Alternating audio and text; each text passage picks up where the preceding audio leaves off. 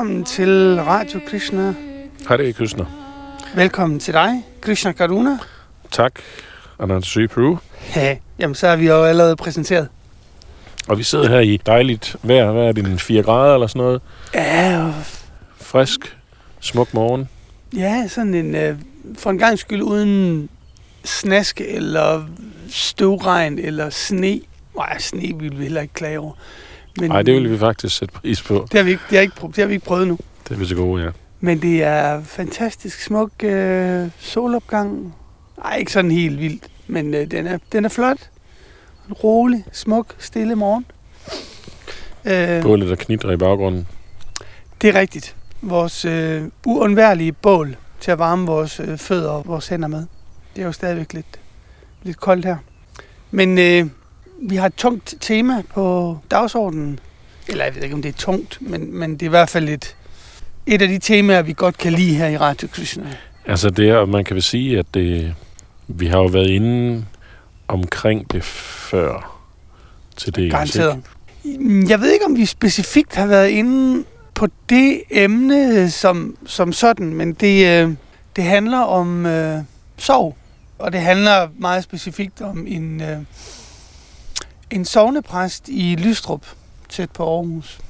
Ja, det er jo stadigvæk lokale nyheder. Øhm, som har dannet en sorggruppe for unge. Mellem 16 og 22. Ja, det er nemlig rigtigt. Som er specifikt beregnet til unge i den aldersgruppe, som har mistet en, som har været tæt på dem. Og der var i hvert fald en ting i artiklen, som jeg lagde mærke til, var, øh, han påpegede, at, at ofte så, når det er sådan, at der bliver etableret sovegrupper, så er det ud fra et fælles tema i form af, øh, hvem man har mistet. Altså, så det er det, man har Ah. som øh, fællesnævner for, hvem der er i sovegruppen. Men her, der, var, der øh, var pointen sådan set bare at bringe de unge sammen. Og så kunne det godt være, at, at der var en forskel, men at de kunne støtte sig op af hinanden, og, og man kan sige, at det, der så var fælles for dem, var, at de var unge mennesker, som oplevede sorg og havde brug for et sted, hvor de kunne, øh, hvor de kunne mødes og ligesom få, få udtrykt den her sorg og de følelser, de går igennem, og de ting, de oplever. Sammen med nogle andre, som kan relatere til det på en anden måde end deres jævnaldrende, som jo måske gerne vil støtte dem, men kan have svært ved at- forstå præcist, hvad det er, fordi de ikke selv har gennemgået det samme.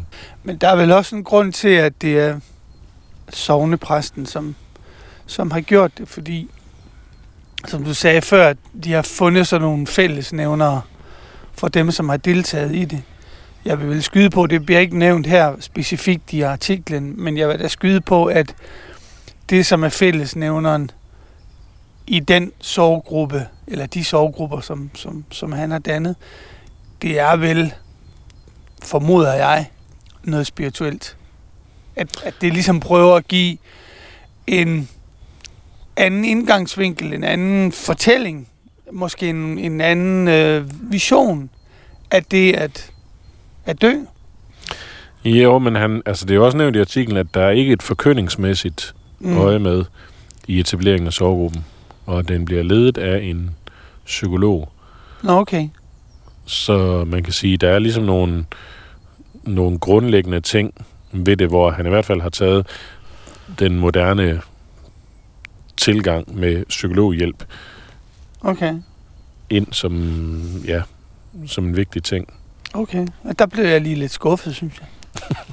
Nå ja, men Jeg, jeg tænkte, altså måske ikke, måske ikke kun lige, at man sidder og snakker om Gud, men det er jo selvfølgelig altid godt, når der er i går så en professionelle inde over. Men, men jeg tror, det er et af de vigtigste elementer i en forståelse af det, som er sket, når en person forlader den her verden, det, man kan føle som tilbageværende pårørende.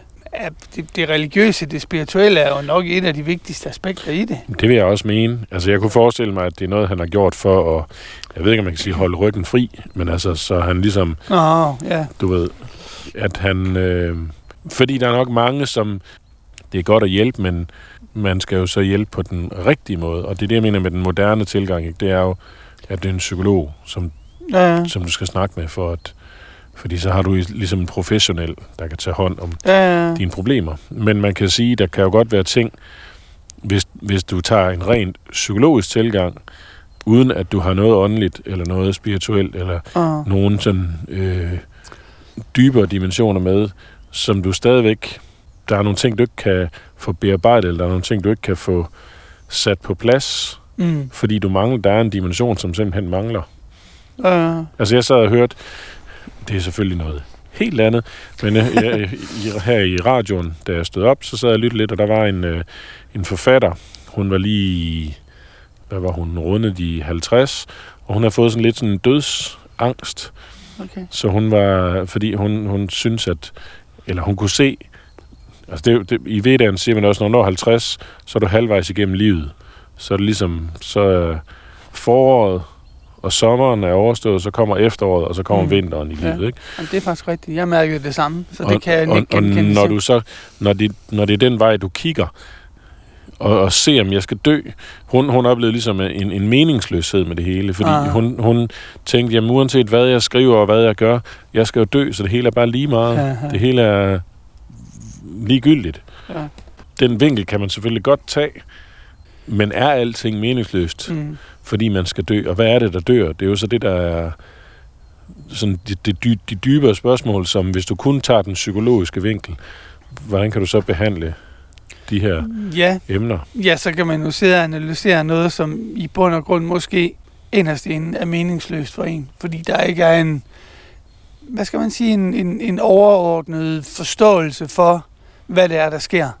Så kan man jo godt sidde og analysere ned i, ned i detaljen, og jeg føler mig sådan, og jeg føler mig på den anden måde, eller jeg har det på den måde, og hvad skal jeg gøre med, specifikt med den følelse og sådan noget.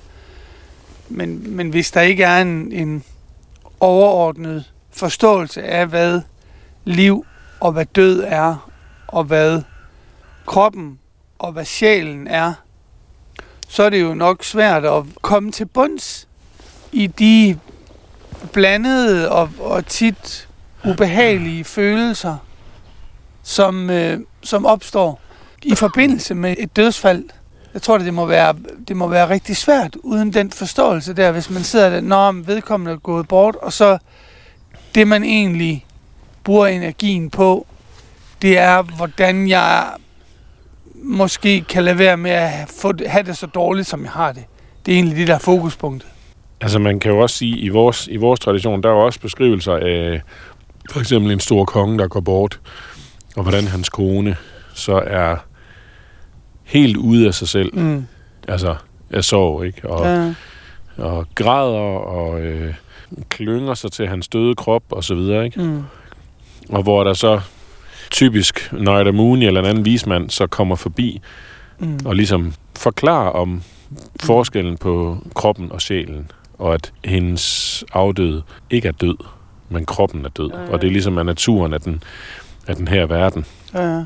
Og det er det, jeg mener, den dimension får du ikke med, hvis det er en, en rent psykologisk tilgang, du har til, til emnet. Men, og det er jo selvfølgelig, og det er jo rigtig svært at forstå, altså jeg vil jo sige, i det kristne bevægelsen, hvor vi også, det sådan i Bhagavad Gita, det er den, noget af det allerførste, at Arjuna han får at vide af Krishna, ikke? at du er ikke den her krop, Mm. at sjælen er evig af natur, og du er sjælen. Det er sådan ligesom, Mm. og når kroppen dør, så dør du ikke. Altså det er det allerførste, han... Men stadigvæk er det jo en ting, som... Øh,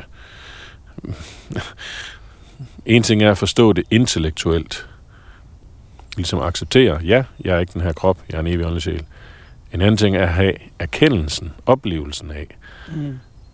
jeg er ikke kroppen, jeg er sjælen, og, og have det som sådan en, en, en vedvarende, øh, hvad kan man sige, oplevelse, ikke? Ja, ja. Og det kræver selvfølgelig, det kræver en praksis, en daglig meditation, at man, at man ikke ligesom, at man går ind i emnet, eller hvad skal man sige, og Mm. at, at man går ind i processen. Ja, fordi på den ene side kan man jo godt sige, at jeg- jeg ved, at man kan sige, at vedderne nogle gange godt kan tage en, en lidt, jeg ved ikke, om man kan kalde det ufølsom. Altså den umiddelbare oplevelse for nogen kan godt være, at det er en lidt ufølsom tilgang til den slags situationer. For eksempel, vi har i, i, i Bhagavad Gita, hvor Ar- Arjuna har en samtale med, med Krishna. Og Arjuna, han, han manifesterer sin bekymring og sin sorg over, at han skal ud og slås med sine, ja, faktisk sine tætte øh, familiemedlemmer, Mm. ikke?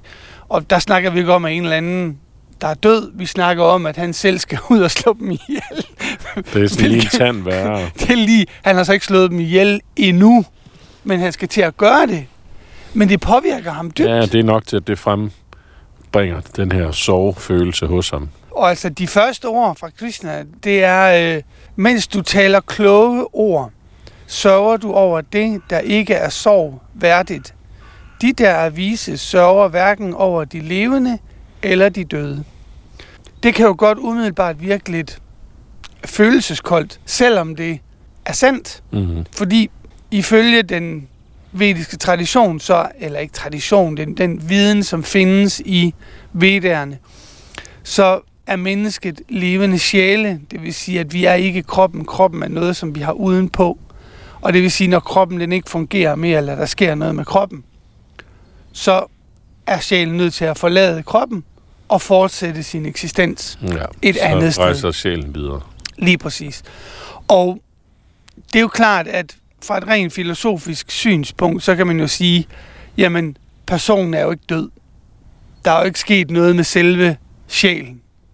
Så det der med at stå og være ked af, at der sker noget med sjælen, er jo dybest set uvidenhed.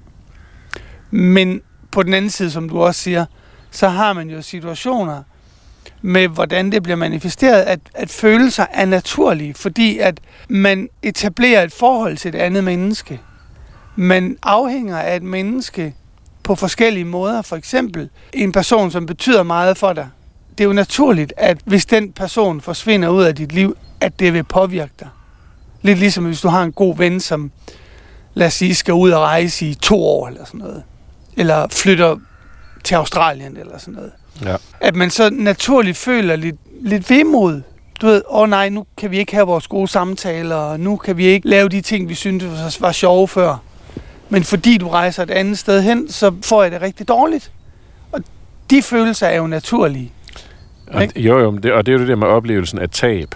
Ja, ja. Altså, man kan sige, du kan jo også godt øh, være en åndeligt avanceret person. Vi har jo også øh, i, i vores tradition store hengivne, som øh, i den grad udtrykker deres, deres øh, lidelse ved den adskillelse, de oplever fra nogle af deres nære venner, mm. som også er åndeligt avancerede personer. Ja. Altså, hvad er det, han siger? Jeg vil slå mit hoved mod en sten. Altså, det, det er da sådan Mm. øh, et meget voldsomt udtryk for frustration og, og lidelse. Ja, ja, ja. Altså, så, fordi den der adskillelse, altså, så man kan sige, selv hvis du forstår, jamen vedkommende er ikke kroppen, og nu er det, der er tilbage lige her foran mig, det er kroppen, Mm. sjælen er rejst videre, ikke? så er der jo et tab. Fordi mm. du ikke længere, som du siger, man har ikke længere mulighed for at være sammen med vedkommende. Ja. Vedkommende er væk. ja, ja. Så man kan stadig godt opleve sorg og tab, men det bliver på et andet... Øh, det er stadigvæk det er ud fra en anden forståelse. Ja. Jeg ser det altid lidt ligesom, at du kan ikke undgå, at de følelser kommer, og de er naturlige, og de er også en del, hvad skal man sige, en naturlig del af den renselsesproces, som mm. Det er at leve i den her verden. Fordi alle bliver ligesom udsat. Det er en integreret del af, af pakken at bo her. Altså, altså nu kan min mor for eksempel, hun er 90 år gammel, og det er næsten hvert eneste år, hvor hun skal sige farvel til nogen. Mhm. Ja. Altså, der er ikke nogen måde, hvor vi bliver også ældre og ældre. Ja. Så, så jo, jo længere tiden går, des flere er vi tvunget til at sige farvel til. Altså, de følelser er vi nødt til at, at lære at leve med. Og det er naturligt, det er der, hvis vi har nogle dybe, meningsfyldte, som du siger, også mange gange spirituelt fyldte forhold, at så der vil være et savn. Det, det er da helt naturligt. Men samtidig er der også en, hvad kalder man sådan noget, ligesom sollyset, der skinner igennem togen. At man ved godt, at der er en forståelse. Og så efterhånden, som togen den letter, så trænger den forståelse igennem. Jeg ved ikke, om billedet er klart. Men at der hele tiden er den der forståelse med, at okay, de her følelser er der, men samtidig er der, jeg ved godt, at vedkommende stadigvæk eksisterer. Ja. Der er vedkommende er ikke, du ved, forsvundet ud i intetheden. Man kan jo også sige, fordi den, at den eneste måde, som du kan undgå det tab på, det er, hvis det er sådan, du ikke etablerer forhold til andre, ikke? Og, og, og det kan man jo ikke. Altså, men jeg kan da huske, jeg har hørt fra nogen øh, i, i forbindelse med nogle krige, ikke, at hvor der døde rigtig mange soldater, at når der kom nye soldater til, Mm. Så kunne de godt opleve, at veteranerne, der var der, de var distancerede, de var lidt følelseskolde. Oh. Du, de, var ikke, de var ikke villige til at indlede venskaber og ligesom nogle ting med dem, fordi de havde set så mange af deres venner dø, så de ja. havde det sådan... øh, De orkede jo ikke, de kunne ikke holde ud det her med, du ved, så knytter du dig til nogle nye, som så også bare bliver slået. Så derfor så holdt Mm. de ligesom de her nye folk, der kommer på afstand, ikke? Øh, Og det oplevede de jo selvfølgelig som, okay, hvad sker der lige her? Altså, fordi de, de havde ikke været i den der situation i så Ja. lang tid, ikke? Så, så der var der sådan en, en beskyttelsesmekanisme, kan man sige. Ja. ja, det er vel heller ikke det, som, som vedderne, de opfordrer til. At folk, de skal blive, du ved, tage afstand til hinanden, og du ved sådan, nej, vi Ja, skal, man skal, vi ikke skal ikke. indlede øh, nære og dybe forhold, nej, Nej. på den måde. Øhm, men, men det er jo ligesom en, en del af præmissen med at leve i den her verden. Altså, du kalder jeg mig Shashvatam. Hvis du bor i den her verden, så er der to ting, som du uundgåeligt vil blive konfronteret med. Det er, at tingene de har en begyndelse, og de har en slutning. Mm. De er midlertidige. Og at leve i den her verden bringer lidelse med. Ja, Altså, de to ting er uundgåelige. Spørgsmålet er så, hvordan man... håndtere det. Ja, lige præcis. Hvordan man, man stiller sig op i det, og man kan jo ikke undgå det. At hvis du køber noget, så at du, du skal ud og have synet bil i dag, eller et eller andet, fordi du køber noget, og du ved, på et eller andet tidspunkt, så begynder den at gå i stykker. Ja. Altså, du kan ikke forvente, at din bil den er spritny hele tiden. Der var en af de ting, du havde, du havde delt, hvor der var nævnt fra England, at der var en meget stor procentdel nu om dagen, hvor folk de dør på hospitalet, Mm. i stedet for at de døde hjemme. Og altså den her, det er sådan lidt igen det moderne samfunds øh, fremmedgørelse over for døden. Ikke? Mm. At det er sådan noget, i stedet for at vi har det tæt inde på kroppen, og, og det er noget, som vi oplever, og det er noget, som vi forholder os Mm. til, så bliver det sådan en, det bliver en distanceret Uh, ting. Det var, det var lige kort nævnt også i den her artikel, at de her unge, at de godt kunne føle sig ensomme. mm, mm. Og det tænker jeg også, det er jo nok ud fra det her med, der er ikke andre, der forstår mig. Eller Ja, lige min, min, min om, mine venner, min omgangskreds, dem der er på min egen alder, de forstår ikke det, jeg gennemgår, fordi de ikke selv har, mm. har oplevet det. Ikke? Og vores... Øh, jamen, så ryger folk på hospitalet, så dør man på hospitalet, i stedet for at man dør hjemme i familiens nærvær, ikke? Ja, altså- At tingene bliver, eller tingene, døden, bliver fremmedgjort på den måde. mm. Og hende her, som jeg snakkede om, der hun prøvede så, hun, hun havde hun interviewet en, øh, en kunstner for ligesom at prøve at få noget input fra ham i forhold til, Mm. fordi nu var han, han var så lige en 10 år ældre end hende eller noget. Hvad var hans syn på det her? Han, fordi hun ville egentlig gerne ud af det her med, at hun havde en oplevelse af, at alt var en meningsløst og ligegyldigt, fordi altså, så bliver livet også øh, gråt og trist, Mm. hvis det er, at man ikke ser nogen. Jamen alt er lige meget, fordi jeg skal bare dø. Ikke? Det er jo altså, Ja, ja. det er jo selvfølgelig også det, der har ledt til nogle store franske filosofer, som skriver en hel masse, og så tager de deres eget liv, fordi det hele er alligevel meningsløst. Ja, ja, ja. Det er jo så en helt anden snak, at det så ikke er løsningen på ens problem. Ikke? Nej, nej. Men så hun søgte ligesom, hvordan kan, jeg, hvordan kan jeg se det her? Fordi jeg sidder fast i min måde at se det på. Kan du hjælpe mig til at se tingene fra en anden vinkel? Mm.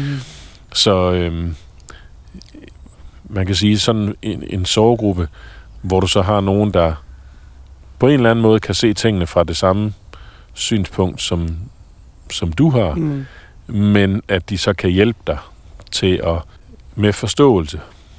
Ikke? At de, de har nogle de samme, de har de samme følelser, de har nogle af de samme oplevelser. Du kan ligesom spejle dig i de ting, som de udtrykker, de ting, som de siger, de ting, som mm. de oplever. Og derigennem kan du bedre bearbejde den, den svære situation, du står i. Mm.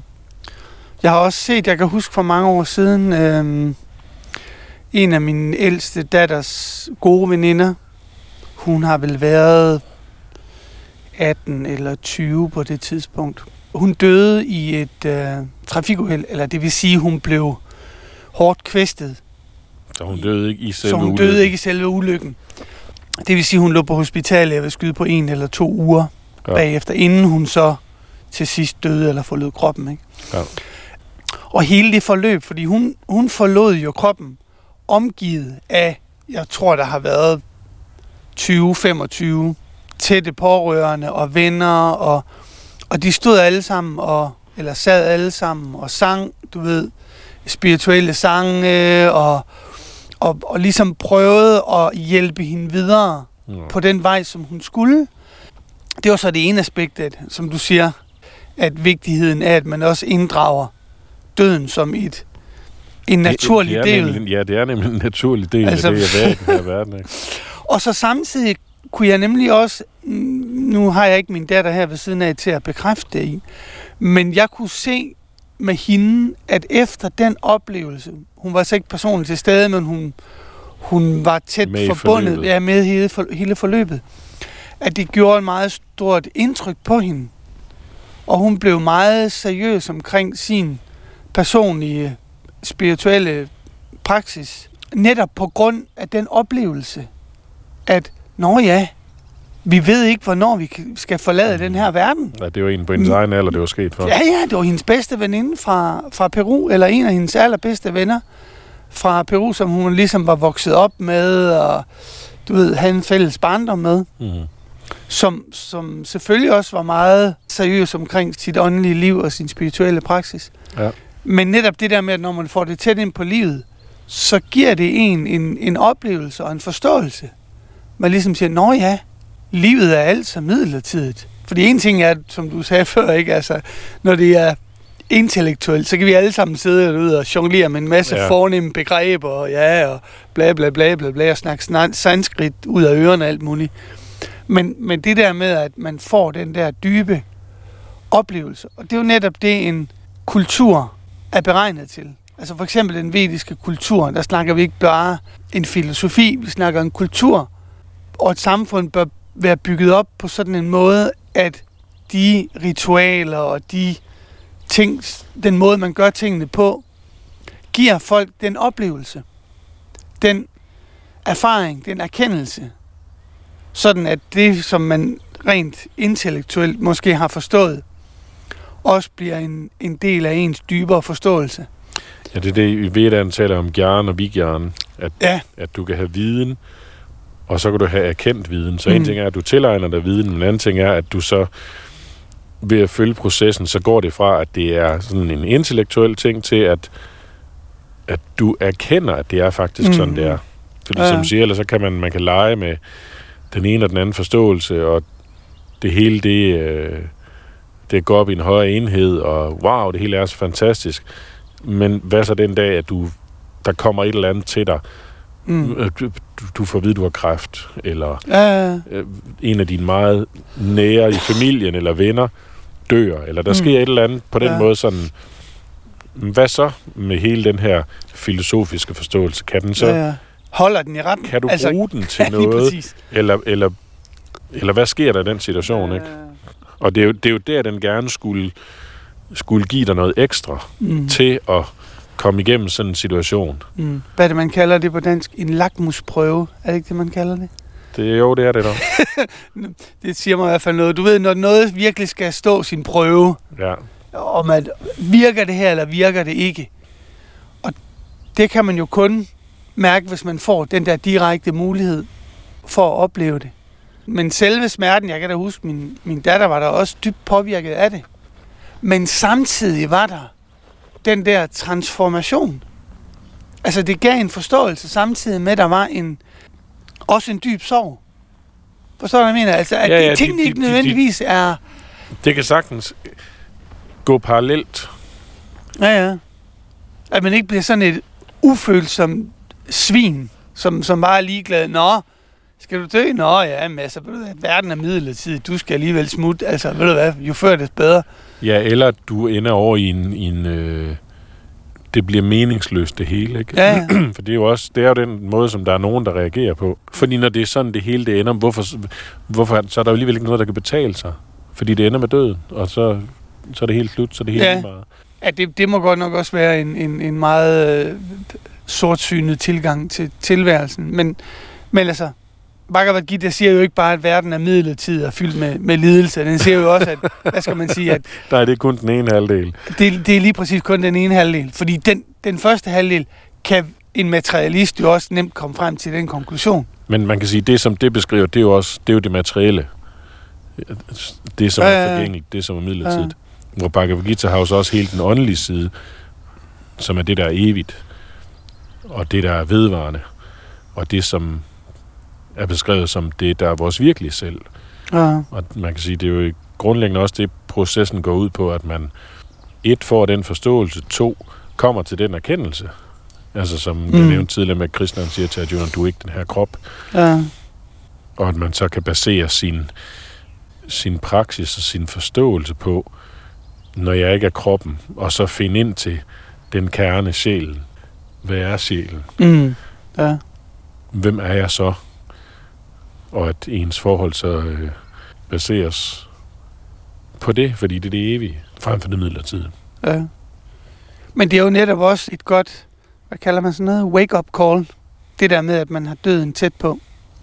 Fordi den hele tiden får en til at blive mindet om, ups, ja, det, det sker altså også. Jeg kan huske øh, Christian Prema. Ja. Han lavede en sang på, øh, jeg ved ikke om det var italiensk eller på, eller på spansk. Dengang han boede nede i Italien. Det er sådan en, en, en musiker inden for Krishna-bevægelsen.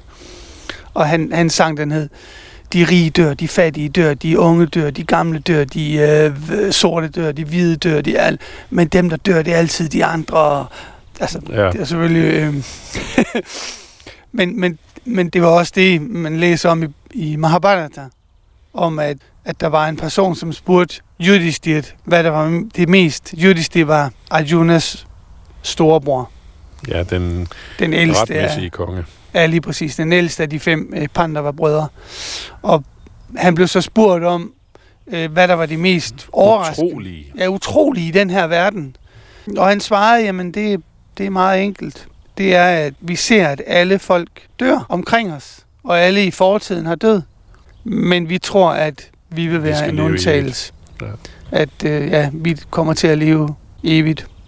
Så det der med at have døden tæt på, og den bliver mere og mere, hvad skal man sige, kommer mere og mere tæt på, jo ældre man bliver.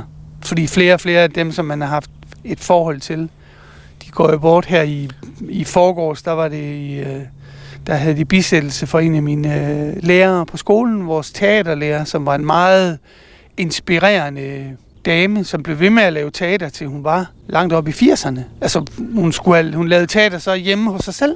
Så Mm. lavede hun sådan en hjemmeteater, hvor hun lavede Parsifal, du ved, sådan nogle øh, spirituelle stykker, som virkelig gjorde et dybt indtryk på dem, som hun var i kontakt med. Ikke? Og øh, nu var jeg nede og besøge min, min mor, så jeg kunne ikke være med til bisættelsen, men hun havde da gjort et dybt indtryk på rigtig mange.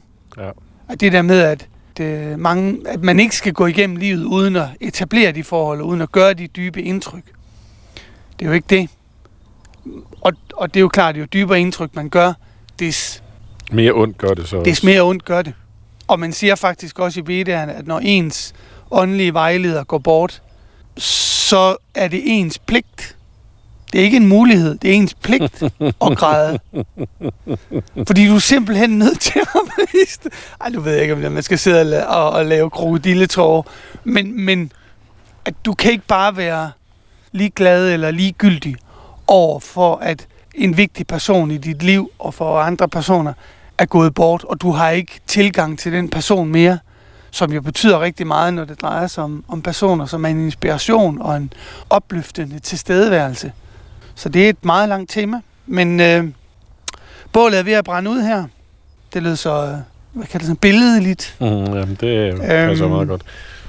Og jeg, jeg tænker faktisk også på, nu vi sidder og snakker her for at runde af, at, at en af de personer, som, som vi har også tæt kontakt til, øh, hendes mor er, har også forladt kroppen her for ikke ret lang tid siden. Jeg tror, det var i sidste uge. Og øh, jeg har faktisk siddet og tænkt ret meget på, øh, på hende og alt det, hun, Gennemgår. hun går igennem. Fordi det er jo noget, som vi kommer til at... Det kommer øh, til os alle sammen. Lige præcis. Og specielt når det er de der meget tætte forhold, du ved, Mm. når det er ens børn og en- ens forældre, Ja. ja. så rammer det øh, selvfølgelig ekstra hårdt. Så der håber vi, at, at vi har kunne give et, et, nogle vinkler. Der er selvfølgelig mange andre øh, ting, som man kan sige omkring det. Men vi håber, vi har givet lidt redskaber og lidt forståelse af, hvordan øh, bederne takler det her, og, og at ikke alt stopper med, Nej, det er en ny begyndelse, faktisk. Ja, lige præcis. Men skal vi ikke sige, at det var det for i dag, Jo, eller hvad? Eller har du nogle afsluttende ord, du ser så efter tænksom ud? jeg sidder bare og tænker på en krølle i forhold til det her med sovegrupper Mm. for unge. Det er i hvert fald vigtigt at få det ind, også når man er ung. Jeg har set det i øh, personligt flere gange, både her, men også specielt i, i Peru, hvor, hvor livet er lidt mere skrøbeligt. Folk de dør lidt hurtigere dernede. Det er, og det er nok også lidt mindre gemt væk, end der er i vores samfund, døden.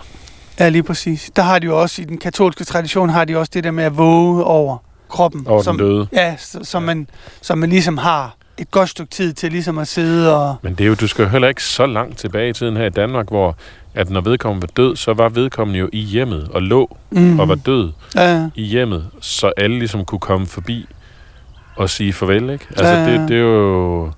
Det har været en almindelig praksis. ja. Men det er sådan... Ja, det har Ja. ændret sig. Ja, alt hvad der ikke er så behageligt at se på, det skubber vi væk. Alderdom, død, sygdom. Men i hvert fald et godt initiativ ude i Lystrup Ja. ja. Kirke i forhold til at, øh, at give et rum til de her unge mennesker, hvor de har mulighed for at, at arbejde med. Fordi altså, det er jo også noget, som ligesom alt muligt andet, alt muligt anden lidelse, det er jo noget, som man, som man skal igennem. Og det mm. her, det er jo så en mulighed for dem til at ikke at gøre det alene, og gøre det Mm. ligesom have oplevelsen af, at der er nogen andre, som kan støtte dem Ja. i det. Specielt hvis der kommer en åndelig overbygning på. At, begge dele er taget vare på. Bare på. Ja. Ja. At det ikke kun er ren sovebehandling sådan fra en psykologisk øh, vinkel, men der også kommer lidt andre boller på suppen, om man så må sige. Ja. Fordi det giver altså en, en, en anden forståelse, og hjælper også en til at komme igennem. Mm.